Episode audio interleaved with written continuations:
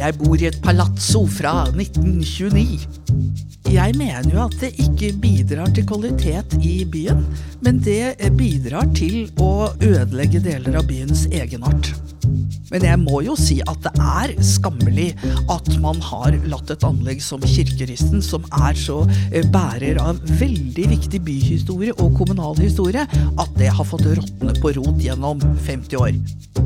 Det er ufattelig at sosialdemokratene var med på å rive monumentet over seg selv. Og vi snakker om at folk kan få det dobbelt av takst, fordi vi er forutsigbare og tydelige. Bak fasaden med DJ og Rønne. En podkast fra Estate Media. Godt nyttår, Silje. Godt nyttår, Dag Jørgen. Det er deilig å være tilbake igjen med Bak fasaden med Dyr og Rønne etter en fin jule- og nyttårsfeiring. Ja, Har du fått slappet av? Har fått slappet av, lada batteriene. Ja, det er bra. Eh, og i dag så har vi med en eh, fargerik personlighet som eh, ja, kan sies å være noen av utviklernes skrekk også.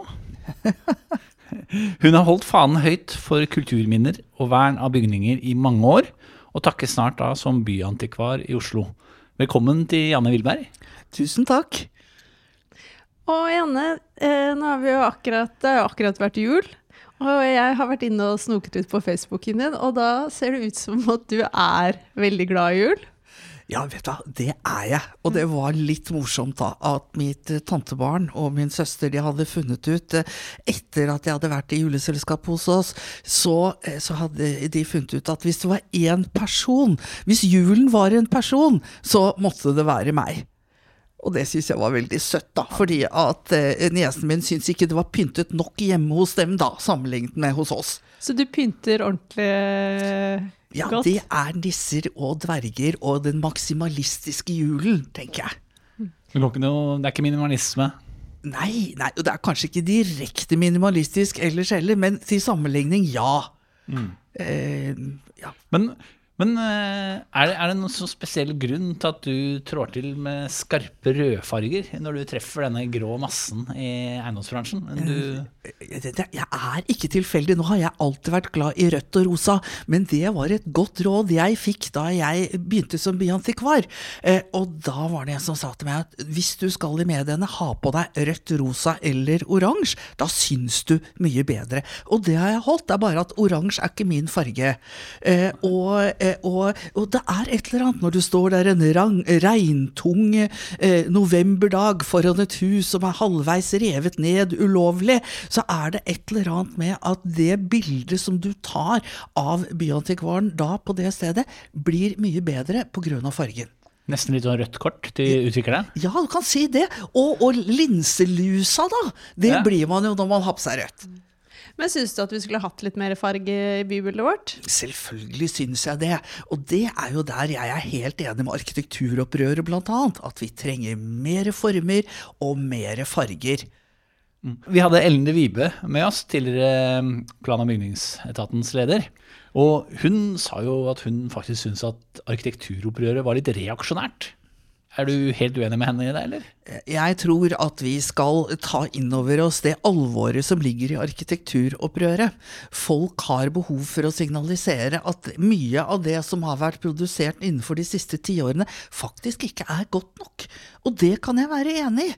Eh, Så er det jo sånn at eh, eh, Byantikvaren, vi følger ikke det sporet som sier at nå det eneste vi trenger nå er nye bygg i nyrenessanse eller i nybarokk. Der er ikke vi, fordi at eh, alle tider eh, skal eh, synes i bybildet. Eh, så, men eh, så, sånn sett så kan man si at de kanskje kan oppfattes som reaksjonære. Nå har de jo prøvd å utvide reviret sitt litt der også, ved å si at det må ikke være fra eh, 1880-tallet for å holde mål. Det må ikke være de hvite søylene. Du er jo faktisk oppvokst i Oslo, du er fra Grefsen. Eh, og da har du fulgt eh, bybildet fra, ja, fra du ble født frem til nå. Hvordan har det forandret seg? Eh, det har jo endret seg veldig. Nå har jo jeg bodd i Asker, jeg var født i Fredrikstad og har egentlig prøvd alle typer boliger fra blokker til bygårder. Og det er klart at Men altså, verden har jo ikke Oslo. Oslos verden har ikke vært mer i spill enn hva den er nå. Altså, det er så store områder som er under stor endring, altså hvor transformasjonsord er helt riktig å, eh, å bruke. Eh, Så eh, kommer man ned til Bjørvika f.eks., så vil jo folk ikke kjenne seg igjen i det hele tatt. Det er rett og slett et helt annet sted enn hva det var. Men du bor på Majorstua nå? Ja. I en uh, Hva slags bolig? Det er, Jeg er høyt bor- under taket der? Eh, å ja, jeg bor i et palazzo fra 1929. Wow. En eh, slags miks mellom nyklassisisme og funksjonalisme. Eh, I de veldig velfunksjonerende gårdskareene eh, i, på Majorstuen. Eh, og det er jo flott å bo et sted med tre stuer på rad og, eh, og stukk i taket, selv om den er litt rudimentær. Men eh, ville den type bolig vært Altså ville en, Mange av de gode bygårdene i dag ville jo ikke vært lov å bygge. Nei, og det er et tankekors. Samtidig så har man jo lettet på kravene både til at nå kan du ha soverom uten vindu, og man aksepterer mer støy enn tidligere. Så man burde kanskje faktisk gå inn og se på hva er det som gir reell kvalitet, og ikke svekket kvalitet. Så her er det en jobb å gjøre for de som skal være i dette markedet eh, fremover. Eh, her vil jeg være med på å støtte utbyggere som faktisk sier at det må legges til rette for at man kan bygge karébebyggelse, f.eks. Men hvordan skal Oslo se ut i fremtiden, da? Ja, jeg håper jo at Oslo skal beholde egenarten sin, som tross alt er en lavskalaby. At vi ikke får så mye Manhattan Mini, mm. for det hører faktisk ikke hjemme i denne byen. Hvorfor ikke det? For det med høyhus, det har jeg skjønt at ikke du er så glad i. Eh, ja, jeg mener jo at det ikke bidrar til kvalitet i byen, men det eh, bidrar til å, eh, hva skal vi si, egentlig ødelegge deler av byens egenart, akkurat dette. Og så må vi jo akseptere at politikerne har sagt at rundt Oslo S skal det være høyt, men det får allikevel noen konsekvenser. Og det er Jeg er ikke sikker på om man overskuer konsekvensene. Eh, Fordi at eh, det er sånn at de bygningene som står nå, 85% av dem kommer til å være her om 50 år, og det kommer til å bli stående mer av det gamle. Det vil altså si at vi må slite lenger med gamle synder enn eh, hva vi har gjort til nå. Men apropos gamle synder, er det noen du vil trekke frem som du tenker at åh, det her burde absolutt ikke vært bygd i Oslo? Ja, jeg har jo noen, noen sånne ting, og jeg tror at jeg skal vente til etter 15. mars, når jeg er ute med å fleske til med mine favoritter der. Eh, For jeg har helt åpenbart noen, eh, og blant annet så kunne jeg tenke meg å gå med ostehøvelen på en del litt høyere bygg. Vi var to, to måneder for tidlig ute. Ja, men vi tenkte at, at du kom til å være veldig frittalende eh, nå, men ja. Ja, men man må jo, Dette handler jo om lojaliteten Ja. tross alt til arbeidsgiveren eh, også. Men, eh, men jeg kan vel røpe såpass mye som at eh, jeg er personlig mer kritisk til høyhus enn hva etaten Byantikvaren er. Fordi at når du er byantikvar, ja, så er man en person, men det er klart at det er etatens politikk man skal målbære, og ikke sine egne private oppfatninger. Men du, apropos altså, høyhus, men du har jo ting under eh, bakken nå. Og jeg har hørt at du er eh, ekspert på militæranlegg og bunkere fra andre verdenskrig. Hva er det? Ja, ja, altså ekspert og ekspert, det betyr bare at det er så innmari få som kan noe om det. Velkommen til nerdefeltet! Det må man jo si at det er. Men det er, altså jeg, har jo, jeg var jo den første byantikvar som kom fra eiendomsforvaltning, nemlig fra Forsvarsbygg. Så jeg har jo levd i 15 år med alle typer militære installasjoner. Vet, jeg er glad når vi lander på Gardermoen og jeg ser en hangar, fordi at det er så hjemlig, mens folk ser en eller annen trøtt grønn bygning som står og blomstrer eh, rundt det. Men det er jo fascinerende. Og fremfor alt så er det jo teknikkhistorie også, en del av disse anleggene. Altså Hvis du begynner å sette deg inn i bunkerbyggeriet, så er det fascinerende. Har du den andre litt nerdete interesser, da? Eh, ja, altså, jeg vil ikke kalle det like nerdete, for det angår mange flere, og det er jo de gamle skolebyggene i Oslo, eh, som jeg skrev en magistergradsavhandling på.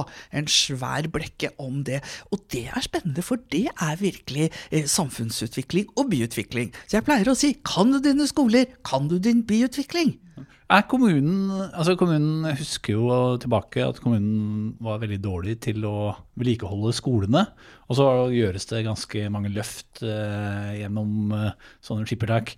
Men det virker jo som kommunen er skrekkelig dårlig til å forvalte en del bygg den eier. Eh, mange som har blitt stående der. Altså jeg, vi har prata med eiendomsutviklere som er frustrert over kirkeristen og andre bygg. Ja, hvis jeg først kan bare kommentere at det har skjedd mye positivt på skolefronten, men bare si at hvilke bygninger er det som tåler endring mest, da? Vi snakker om Herslep, det kan være gamle kunst- og håndverksskolen, det kan være Møllergata. Jo, det er de bygningene som er bygget for evigheten, nemlig 1800-tallet og den første del av 1900-tallets eh, skolebygninger. Eh, og eh, fordi at skoler jo er i stadig bruk, så har man tross alt klart å ta bedre vare på dem. Men jeg må jo si at det er skammelig at man har latt et anlegg som Kirkeristen, som er så eh, bærer av veldig viktig byhistorie og kommunal historie, at det har fått råtne på rot gjennom 50 år. Men hvordan kan det skje? Ja, eh, det er mange Den er ganske kompleks, bakgrunnen for, eh, for det. Eh, Det vel handler delvis om eh, eierskap, eh, delvis om oppsplitting av eiendomsforvaltning. Det handler om manglende politisk interesse, og så handler det jo også om at eh, innretningen av eiendomsforvaltningen i kommunen, og det gjelder andre typer bygninger som råtner på rot også, at hvis de har bygninger som ikke bygger opp under formålet i det kommunale foretaket, så er det jo ikke satt av penger til det. Man får rett og slett ingen bestilling på å gjøre noe med det. Sånn at vi trenger, og der har kommunen begynt å ta grep, at man må ta et samlet grep om den kulturhistoriske porteføljen. Ja, for for noen av oss andre så kan det virke litt sånn eh, om et bygg er stygt eller pent, at, eh, at det er liksom såpass Såpass eh, enkle kriterier eh, som skal til. Ja, og, men det handler jo ikke om det. Et så vakkert anlegg som Kirkeristen. Altså, Det er bare å bli med på en tur at det handler ikke bare om bygning, men det handler om rom. Der er det så mange flotte byrom som egner seg for eh, ikke nye bygg, men for utvidet bruk og utvikling. Du er jo voldsomt engasjert i, i det du driver med, og så tenker jeg, som du sa tidligere, at du skal pensjonere deg. Hvordan blir det? For å si det sånn, jeg, har, jeg har, er jo saksdrevet. Jeg har en slags mission, og det er å bidra til forbedring av kulturminnevernet i Norge. Og det har jeg kunnet gjøre fra en hvilken som helst eh, posisjon, høy som lav. Og det vil altså si at jeg eh, Ja, nå går jeg bare over en ny rolle. Det er uproblematisk, og skal jeg prøve å ikke ødelegge for eh, den nye byantikvaren eh, som kommer. Men det er jo, vi er jo klar for aksjonismen nå, da, dere. Så jeg bare lurer på, skal jeg begynne med blogg, eller skal jeg starte en egen podkast? Så du har ikke tenkt å gi deg? Å nei, nei, nei, her er det eh, diverse, eh, diverse prosjekter. Og så har jeg tenkt å starte eget firma, da. For jeg tror jo at jeg har en kompetanse som mange kan synes er interessant. Men du, apropos aksjonisme. Eh, du engasjerte deg veldig sterkt for Y-blokka. Ja. Og var du med på den demonstrasjonen da Ellen de Vibe ble arrestert? Eller kunne ikke du eh, Nei, da kunne jo ikke jeg det. Og, og hun gikk jo, hun hadde mye bedre timing på pensjonisttilværelsen. Men for å si det sånn, at hadde jeg gått av med pensjon, så hadde vi sittet der sammen. Ja. Og, og vi er en gjeng med hva skal vi si, tidligere eh, høyere byråkrater som er klar for lenkegjengen, men det forutsetter at vi kan bli enige om objektet. Eh, Ellen og jeg, vi, det er ikke alle objekter vi vil være enige om, men du skal ikke se bort fra at anledningen byr seg. Det er morsomt. Men hvorfor var det så viktig å bevare Y-blokka?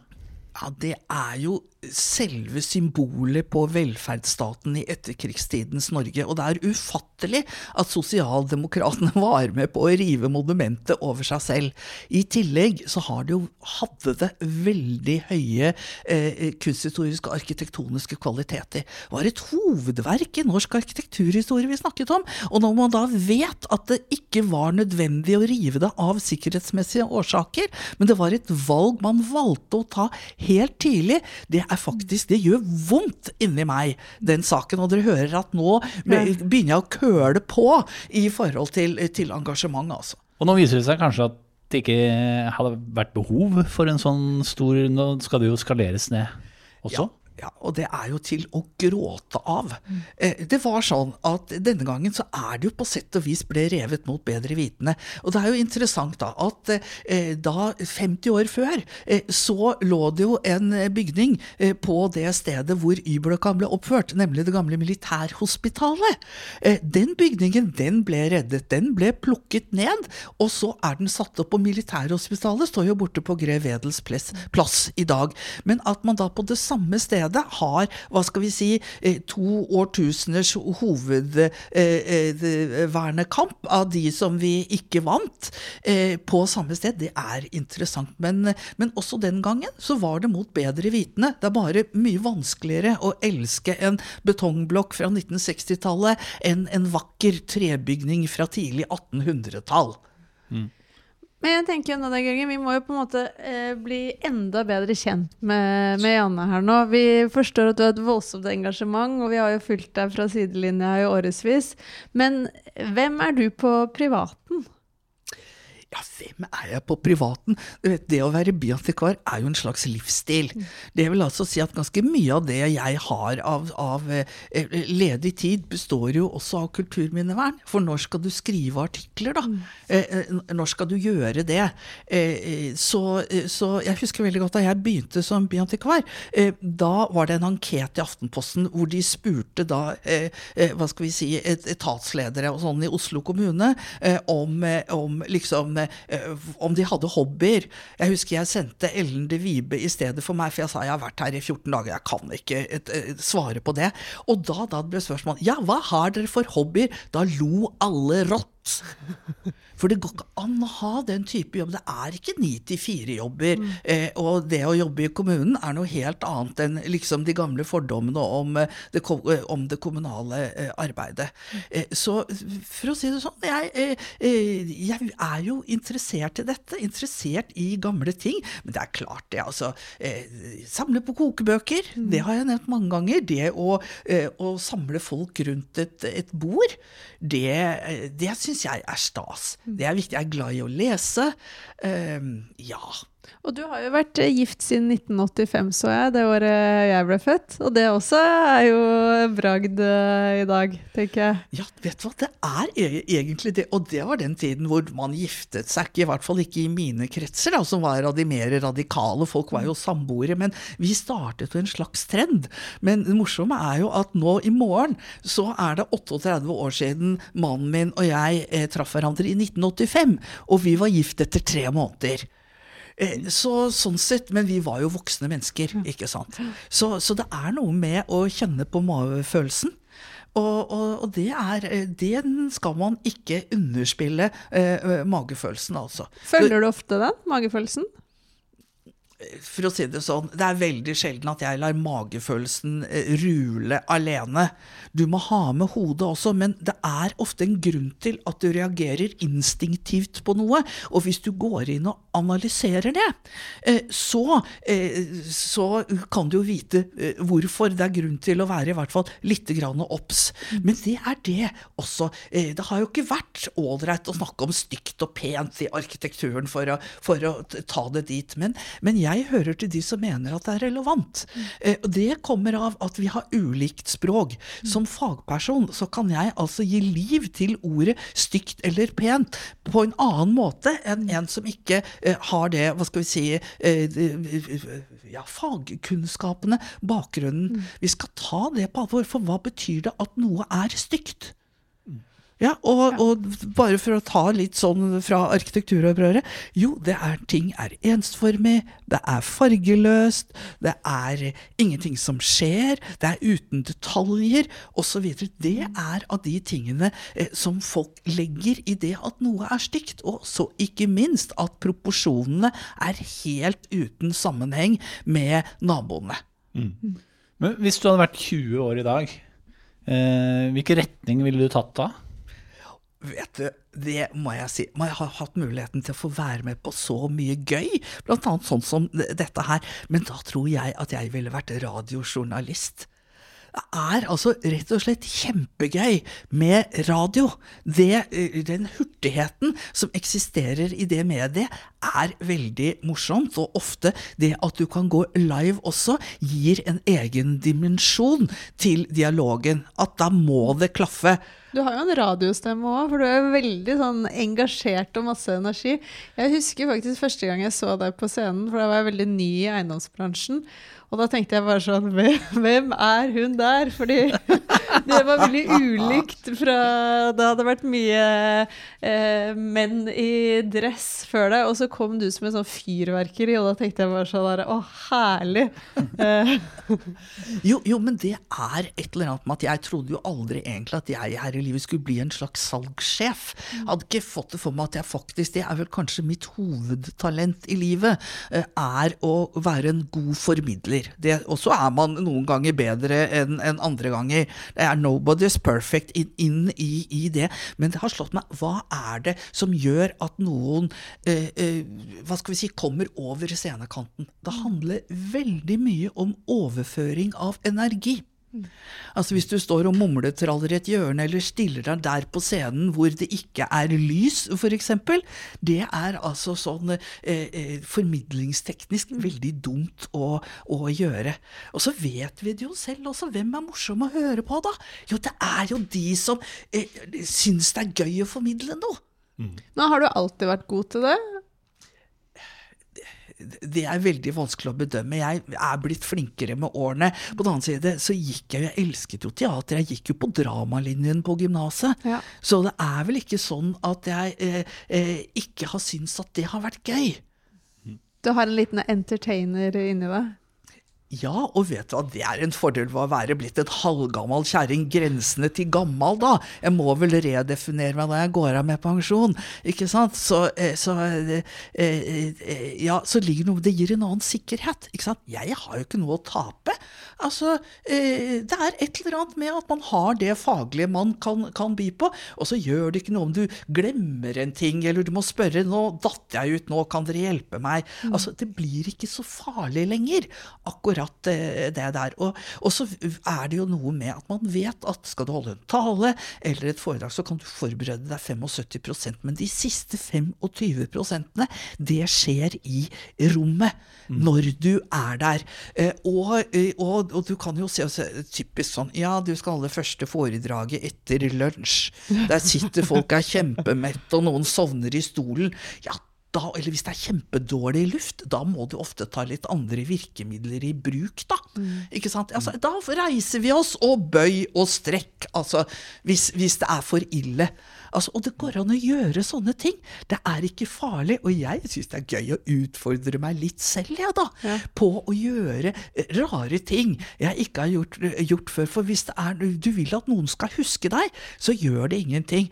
Jeg må si, det er gøy å kunne avslutte sånn nesten jeg eller på tampen av karrieren og på åpningen av Vestkantbadet.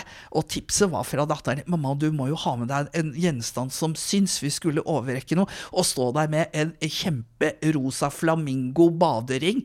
Det var jo gøy. Det var riktignok veldig trangt, så både ordføreren og jeg holdt på å havne i vannet. Da hadde det blitt ekstra gøy. ja, det hadde jo vært helt strålende, ikke sant? Ja, så, eh, så eh, eh, Og der kunne folk eksperimentere mer. Men hvordan, hvordan reagerer du når altså Det er jo en del i eiendomsbransjen som er kritiske til eh, byantikvaren og kommer med skarpe uttalelser. Eh, Hvordan reagerer du på kritikk? du, jeg syns at det går helt greit så lenge den er saklig.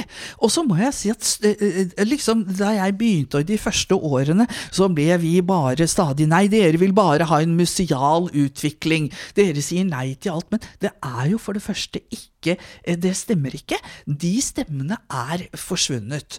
Og så tenker jeg at det handler jo også om å ha en god stemning i et møte. Det må være mulig å le av noe eller ha en spøk selv om vi kan stå langt fra hverandre. Eh, og jeg oppfatter eiendomsbransjen gjennomgående som profesjonell. At man også aksepterer at vi har ulike roller. Og så må vi bare se på ja, hva skal vi gjøre da? Hvor finnes mulighetene for samarbeid? Og det er veldig sjeldent at, eh, at den typen prosesser skjærer seg, altså. Men er det noen i eiendomsbransjen som du tenker at åh, de er eh, spesielt flinke eh, til å ta vare på gamle bygg og liksom løfte frem eh, eh, byggene igjen? det begynner faktisk å bli mange. Eh, og så er det jo sånn at vi får jo ikke anbefale noen, vi da. Som en offentlig aktør så kan jeg jo ikke det. Men det er jo bare å se på hvem har vært ansvarlig for store prisbelønte eh, bevarings- og utviklingsprosjekter. Så ser man jo litt hvem som har blikk for dette. Men det er veldig, veldig morsomt. Det som Byantikvaren holder på med, vi holder på med verdibevaring. Det er derfor vi blir så lei oss når man driver med verdiforringelse med Kirkeristen og andre steder.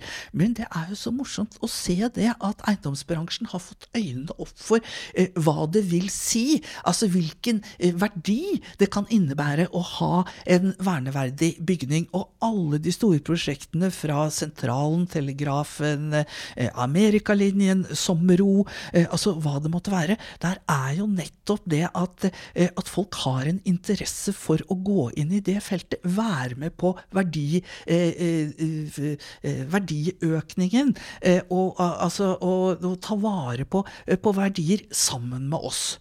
Eh, Og det er, mener jeg, er, det har nesten vært et tidsskille på dette. Og vi ser det jo også at jo strengere vi er, jo tydeligere vi er i forbindelse med f.eks. salgsprosesser, da. Altså sånn, jo dess mer får den som selger for eiendommen sin. Og vi snakker om at folk kan få det dobbelte av takst, fordi vi er forutsigbare og tydelige. Men tror du det her har litt eh, å gjøre med lokalbefolkningen? At vi er mer bevisste? At vi stiller også mer krav til at bygg skal ha det særegne historiske? At det må være noe litt mer eh, Eller Det har skjedd noe, men jeg har troen også på at det går noen store, viktige aktører foran med et godt eksempel. Da følger de andre faktisk etter. Men det har skjedd noe. For der hvor de første folkemøtene og sånn som jeg var med på, og, og ellers, ja, der var det mye grått hår, og det er jo vakkert i seg selv. Ja, det, det må jeg si. ja, ja, ikke sant?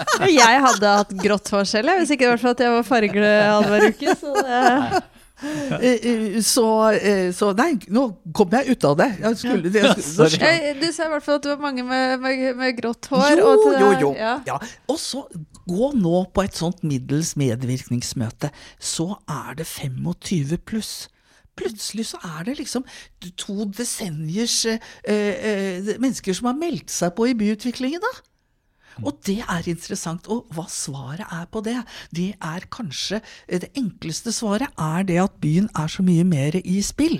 Det er at byutvikling angår veldig mange flere. Og så tror jeg bevisstheten om det grønne skiftet, kanskje det at nå skal vi inn og ta vare på, på mer. Sistevalget bør være å rive, men det er ombruk som kommer, og gjenbruk av materialer.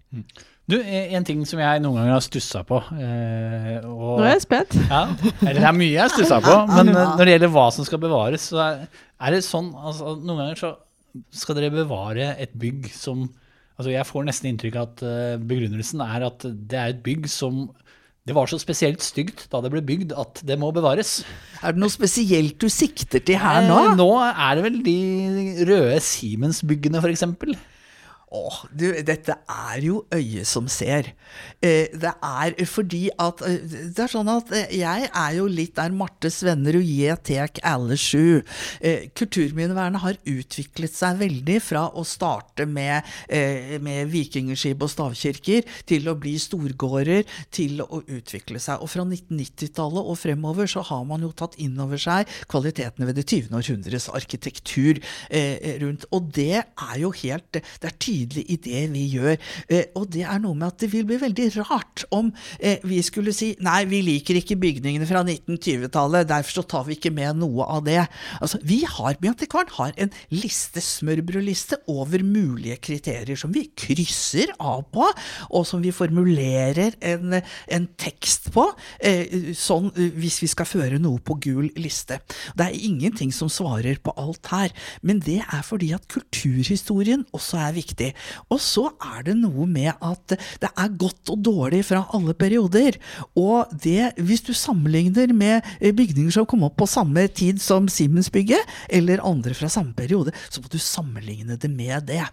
Og da må du tillate deg å gå og klappe litt på bygget, da. Se på hvilke kvaliteter har dette kontra andre fra samme periode.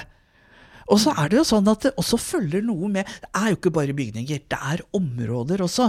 Og tar du noen av drabantbyene, kanskje syns du ikke de er så veldig festlige, men hvis du begynner å se på bokvaliteter, de er flott lagt i landskapet, det er god plass mellom husene, er sånn at alle leiligheter faktisk får lys inn, osv., så, videre, eh, så vil du, hvis du har vært der i hvert fall en times tid med byantikvaren, se ja, men det har dere jo faktisk rett i. Dette er et fint sted å være. Og så er det et slags demokratisk prosjekt vi har, da, som sier at hvis vi sier at nei, eh, drabantbyer, blokker, er helt uinteressant, det er, er eh, stygt, da vil vi ikke ta på alvor det som er historien, og som er knyttet til livene til mer enn halvparten av befolkningen i denne byen. Sånn at vi skal altså ta vare på historien knyttet til alle deler av befolkningen. Altså, det er jo trendy, da, men det er et skikkelig mangfoldsprosjekt vi har. Og en av de tingene som vi i- ja, i fjor førte på gul liste, det var jo forretningspassasjen på Grønland T-banestasjon.